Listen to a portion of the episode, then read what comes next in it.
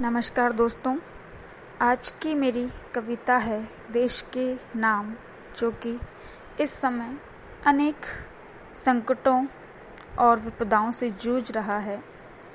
मेरी कविता का शीर्षक है, होगी सुबह एक दिन। तो मैं शुरू करती हूँ। फैला अंधेरा चारों ओर, है हमें डरा रहा। रास्ता नहीं, मुकाम का है कोई, दिख रहा। आफते अनेक आन है पड़ी ज़मीन पर खेर कर मनुष्य को भय मौत का दिखा रहा। भूख है, गरीबी है, ऊपर से महामारी का डर। आतंक और तूफ़ान से देश है घबरा रहा। एक नहीं, संकट अनेक, एक साथ आ खड़े। लेने परीक्षा, हौसलों की द्वार है बजा रहे।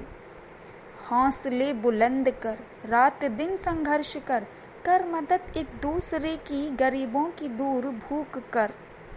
हम लड़ेंगे और जिएँगे, ज़िंदगी फिर से सुखी। हो जाए विपत्ति कितनी भी बड़ी आकर खड़ी। जीत जाएँगे हम, है यकीन, एक दिन, रात काली है तो क्या? होगी सुबह, एक दिन।